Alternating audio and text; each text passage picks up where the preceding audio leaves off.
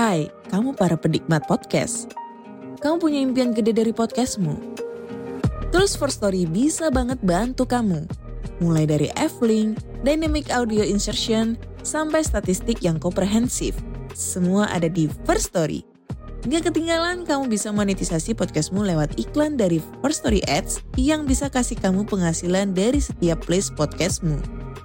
Yuk gabung sekarang dengan klik di firststory.me. Sekali lagi, klik di firststory.me. Mari kita bawa mimpi podcastingmu menjadi kenyataan. Hello? Hello?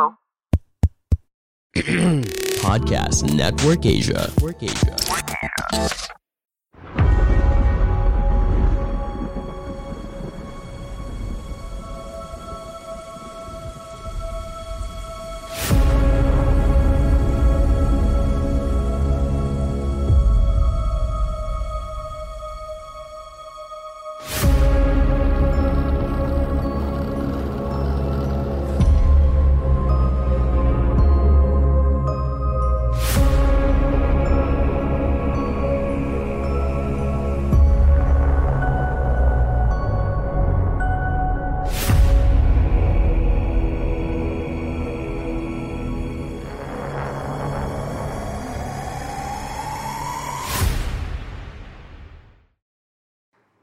Halo semuanya. Selamat malam, selamat pagi, selamat siang, selamat sore. Di mana pun kalian berada, gimana pun keadaan kalian, semoga diberi kesehatan sama yang di atas. Kesehatannya bukan cuma jasmani doang ya. Semoga kesehatannya juga diberi untuk rohani kita, dan yang paling terpenting kesehatan buat dompet buat isi rekening ya. Semoga kita bisa diberi rezeki yang berlimpah. Oke teman-teman jadi sebelum kita mulai gue mau ngobrol-ngobrol dikit ya soal perkembangan-perkembangan horor di Indonesia. Jadi perkembangan horor. Jadi um, banyak beberapa penulis yang ada di Twitter. Gue jujur ngeluarin ngeluarin unek-unek gue ya tentang penulis-penulis di Twitter gitu. Karena um, media baca di Twitter itu sudah mulai berkembang loh. Gue gua gue ngerasa udah mulai berkembang gitu. Karena zaman dua zaman gue dulu, wih di dulu dulu banget nih kayaknya. Jadi tahun 2019 2020 itu penulis-penulis itu kayak ya udah bikin tweet di Twitter ya udah selesai gitu kan. Ya paling sebatas nambah followers di Twitter gitu kan. Nah sekarang um, udah banyak mulai penulis-penulis di Twitter itu mulai buat berkembang gitu. Kayak mulai dari um, yang treatnya itu di apa ya kayak di bikin terbatas gitu loh. Jadi mereka ini kayak jual di suatu um, kayak tempat buat menjual karya-karya gitu. Nah jadi orang-orang bisa beli buku mereka. Istilahnya e-book ya electronic electronic book. Nah jadi beberapa penulis yang aku lihat di Twitter kayak Mas Restu, terus ada MWF Mystic, terus ada Mas Jero, terus juga ada hmm, apa lagi ya? Dioseta itu kan penulis-penulis yang di Twitter kan kayak udah terbilang veteran lah ya. Dari zaman aku bikin Twitter baca horor gitu kan mereka udah mulai nulis gitu. Nah jadi ini kayak sebuah perkembangan gitu loh bahwa ada industrinya di sini gitu. Ada industri yang berputar dan duit ini kayak keuangan situ berputar gitu. Ada pembelinya, ada supply-nya. Eh ada supply-nya itu dari penulisnya dan ada demand-nya dari pembacanya. Lumayan juga loh aku lihat loh. Keren keren aktif antusiasmenya juga keren gitu dari dari pembacanya gitu. Semoga berkembang terus lah ya dan kabarnya juga ada dari salah satu dari mereka nih mau bikin uh, keluarin buku gitu loh. Entah kapan nanti bakal bakal mungkin bakal di announce di twitternya gitu. Dan kalau kalian tahu juga Simple Man udah mau bakal tayang juga filmnya kan. Um, KKN Desa Penari. Itu zaman tahun 2020 baca horor gitu kan jadi dia ngetik ngetweet tentang KKN Desa Penari itu zaman zaman viral banget itu 2020 tuh 2019 kalau nggak salah 2019 ya 2019 akhir hmm. Oke deh, intinya buat teman-teman di luar sana yang sudah mau mendukung uh, karya dari penulis-penulis di Twitter, baik itu dari Twitter atau dari Instagram, terus juga di podcast gitu kan. Terima kasih banyak udah mendukung um, aktivitas kami sebagai kreator. Semoga kalian bisa diberi rezeki yang lebih berlimpah dari sebelumnya ya. Amin ya amin. Oke, jadi kita bakal baca balik ya, bakal balik ke cerita ya dari Twitter lagi tentunya karena gue juga pengen kembangin ekosistem di Twitter penulis-penulis di Twitter semoga bisa berkembang yang lain gitu kan. Oke, jadi ini dari akun Twitter @saitama6666. Eh deh nomornya 666. Oke. Judulnya adalah Tawa di balik jendela. Nah, based on true story. Oke. Cerita ini diambil dari kisah nyata yang baru saja penulis alami sekitar tiga hari belakang dan ini terjadi sudah beberapa kali. Sebelum mulai membaca, silahkan cari tempat senyaman mungkin supaya lebih bisa merasakan kengeriannya, ya kengeriannya gitu. Tutup pintu jendela Anda karena kita tahu mereka pun ada di sekitar kita. Eh, karena ini juga bahas tentang sesuatu yang ada di balik jendela. Jadi watch out man, watch out. Yeah, watch out your sailings. Watch out your window, oke? Okay? Oke. Okay. Hari itu aku pulang agak larut. Sekitar pukul 11 malam. Udara dingin dan angin malam menyelimuti sepanjang jalan sampai rumah. Jalanan basah karena seharian hujan deras turun di kotaku.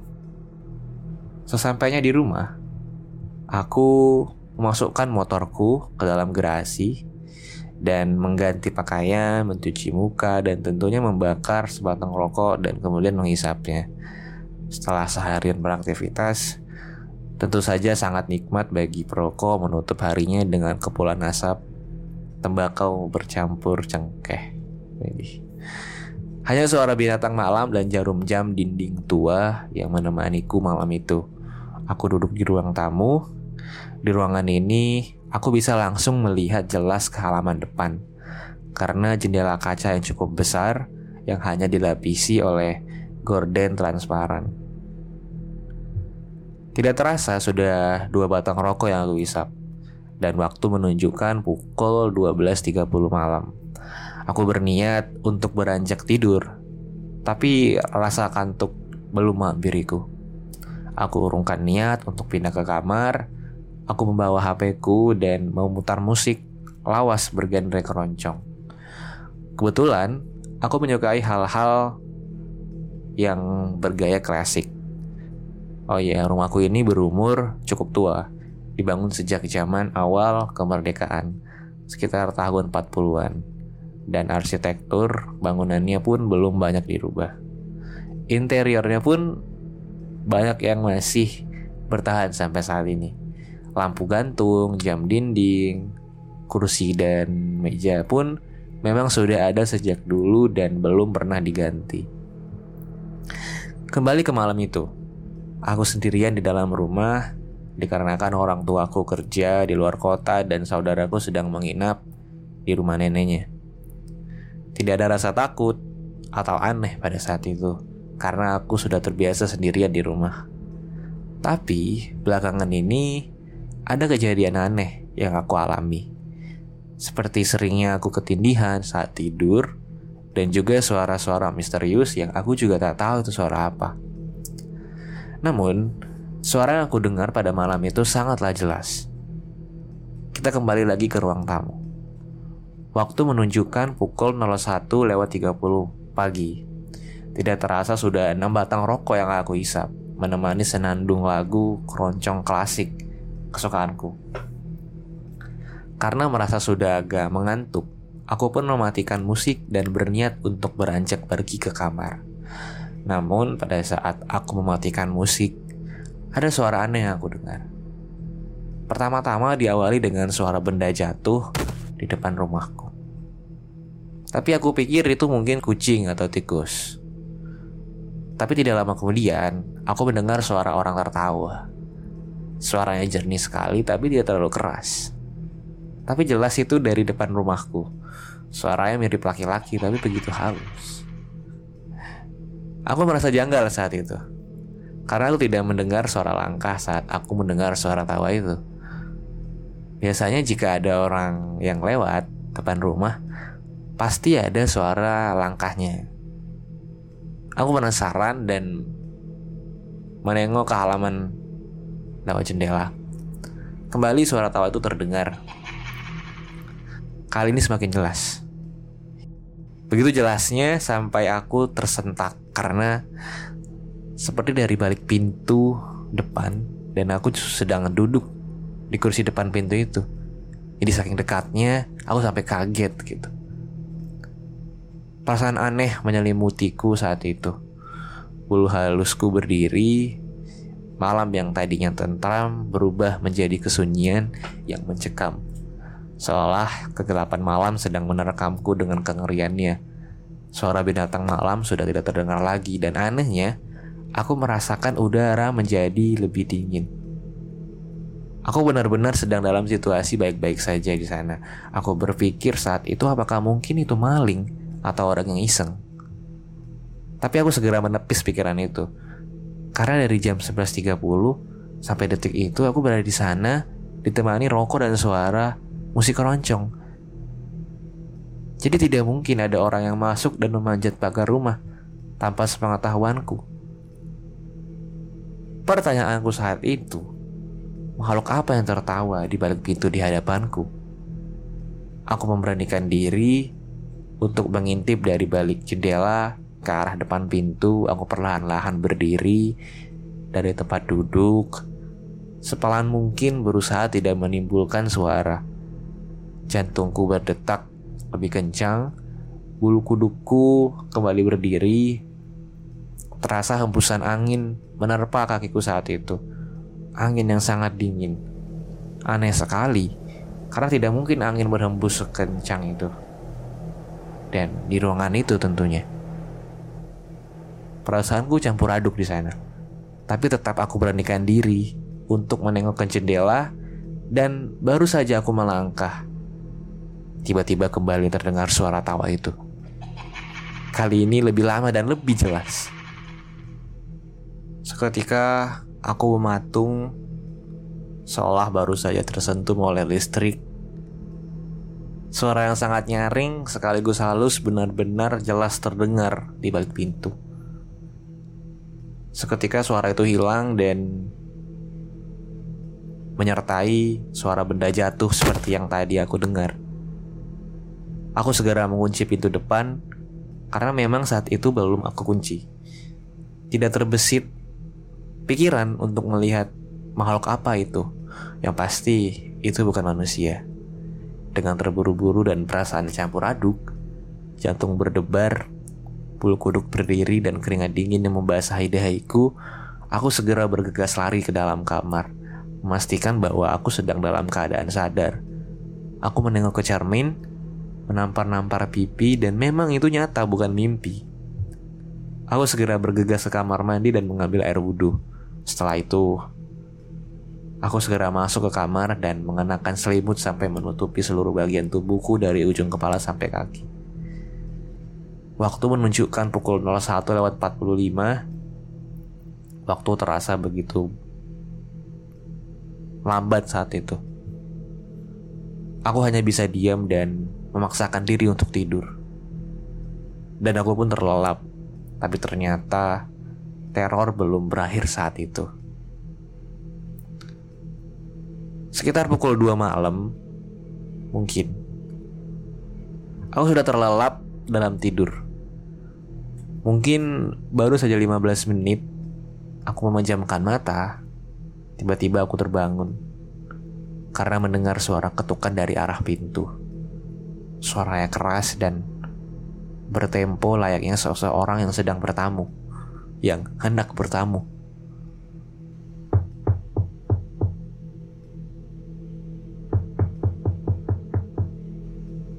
Saat itu aku tidak bergerak sedikit pun, masih mengenakan selimut dan memeluk guling, memastikan kembali suara ketukan itu. Dan lagi-lagi,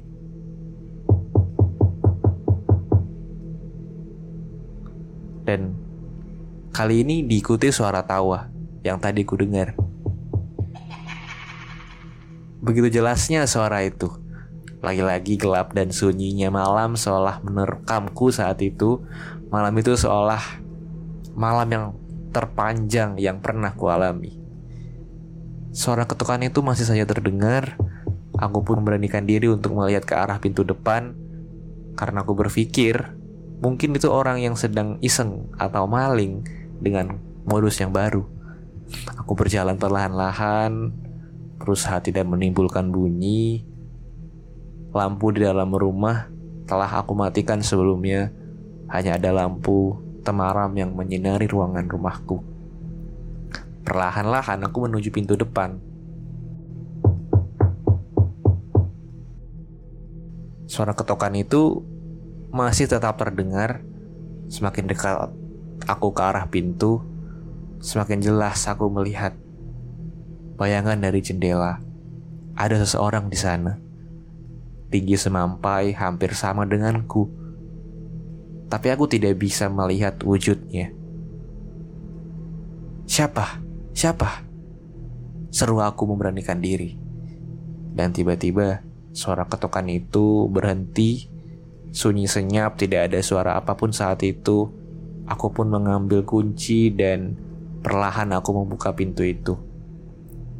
Saat aku buka pintu, aku berdiri mematung, tidak bisa berkata apa-apa. Untuk bergerak pun aku tidak bisa. Aku terkejut serasa disambar petir. Berdiri di sana, sosok berwarna hitam, tinggi besar di hadapanku saat itu. Tidak ada wajah di sana. Iya, dia tidak memiliki wajah. Berdiri tegap di hadapanku dan tertawa di hadapanku. Suara yang sama seperti yang aku dengar sebelumnya. Angin dingin berhembus menerpaku, tidak berhenti sampai di situ. Tiba-tiba dari belakang sosok itu berlarian. Tiga anak kecil sambil tertawa-tawa berlari masuk ke rumahku melewatiku begitu saja dan Aku yang masih menggenggam gagang pintu di situ pun masih mematung. Berusaha mencerna apa yang sedang aku hadapi saat itu. Tiba-tiba aku merasakan tangan anak kecil yang menerkam betisku. Begitu dinginnya seperti es. Aku seketika tersentak dan melihat sosok anak kecil itu tersenyum menyeringai dengan gigi berlumuran darah dan mata yang hitam pekat. Seketika aku berlari sambil berteriak, Bangsat! Apa yang sedang aku hadapi saat itu? Aku banting pintu rumah itu, aku nyalakan semua lampu di rumah, dan segera bergegas masuk ke kamar. Segera aku mencari handphoneku saat itu, aku cari di semua sudut kamar, tapi tidak ada.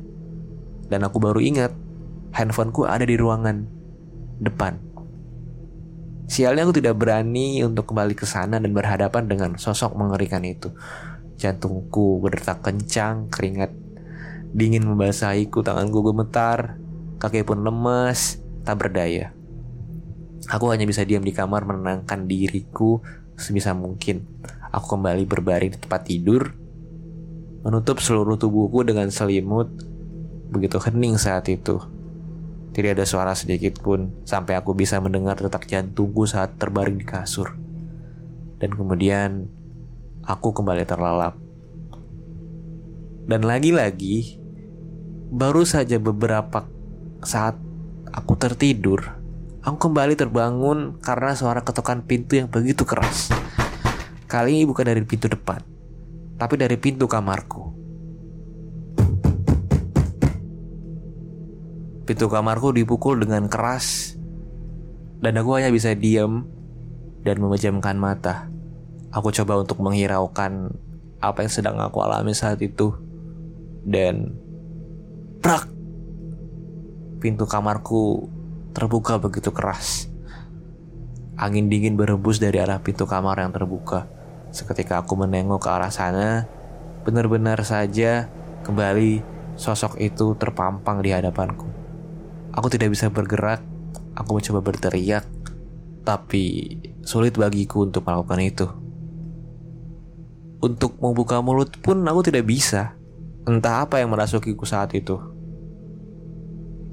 Aku merasa lumpuh, tidak bisa menggerakkan tubuh sedikit pun, hanya bisa mengedipkan mata. Aku penjamkan mata, aku berharap kengerian itu segera berakhir. Aku terus menenangkan diri kembali mencoba membuka mata dan Ya, sosok itu sudah tidak ada. Aku bernafas lega dan kembali aku pejamkan mata mencoba kembali tertidur. Dan ya, itulah akhirnya aku bisa tertidur dengan lap setelah itu. Terbangun di pagi hari dengan banyak pertanyaan di kepalaku. Apa yang aku alami tadi malam apakah nyata atau tidak? Karena aku masih tidak percaya dengan apa yang aku alami ini. Terima kasih. Anyway, um, itu itu dari tweetnya ya mas ya, dari tweet akun Twitter @saitama dan banyak juga dari beberapa orang yang di luar sana yang mengalami hal seperti itu yang ketika bertemu dengan sosok ya sosok itulah ya itu mereka ketika bertemu itu banyak yang mematung men kayak freeze gitu men itu kayak reaksi ilmiah gak sih reaksi tubuh kita tuh kayak Jir, kaget gue nih. Kayak apa ya? Coping mechanism gitu loh. Kita takut kalau um, nih orang nih bakal ngapain kalau kita gerak gitu. Jadi ya kok orang sih bukan orang lah itu kan ya. Ini makhluk ini kalau misalnya kita gerak, ini bakal apain kita nih. Jadi kayak anjir, gue diem aja dah, udah diem diem diem gitu kan. Jangan sampai lulus untuk gue gitu kan. Kayak gitu kan. Kira-kira kayak kayak gitu lah kurang lebih ya. jadi kayak hal yang ini men hal yang lumrah bagi tubuh kita gitu kayak reaksi reaksi ilmiah kita gitu. Dari tubuh kita gitu jadi freeze gitu kan. Dan oke okay, itu mungkin itu aja dari aku ya. Dari aku dan akun Twitter @saitama666 terima kasih sudah mendengarkan sampai selesai. Um, dan jangan lupa buat stay tune di Twitter baca horor dan Instagram baca horor. Kalau kalian seneng dengerin space di Twitter ya, dengerin aja di Twitter space-nya baca horor setiap malam Jumat tuh. Namanya baca horor FM. itu biasanya banyak orang sharing-sharing tentang horor atau mungkin ada penulis-penulis yang pengen ngobrol di sana gitu kan kalian tune aja di Twitter dan buat teman-teman yang punya Spotify Premium mungkin bisa kasih rating bintang 5-nya buat channel podcast ini ya. Terima kasih banyak teman-teman yang udah ngasih bintang 5. Oke. Itu saja dari aku, aku Iksan. Sampai jumpa lagi di episode berikutnya minggu depan, hari Kamis jam 7 malam atau jam 6 malam. Terima kasih. Bye. Pandangan dan opini yang disampaikan oleh kreator podcast, host, dan tamu tidak mencerminkan kebijakan resmi dan bagian dari podcast Network Asia. Setiap konten yang disampaikan mereka di dalam podcast adalah opini mereka sendiri dan tidak bermaksud untuk merugikan agama, grup etnik, perkumpulan, organisasi, perusahaan, perorangan, atau siapa pun dan apa pun.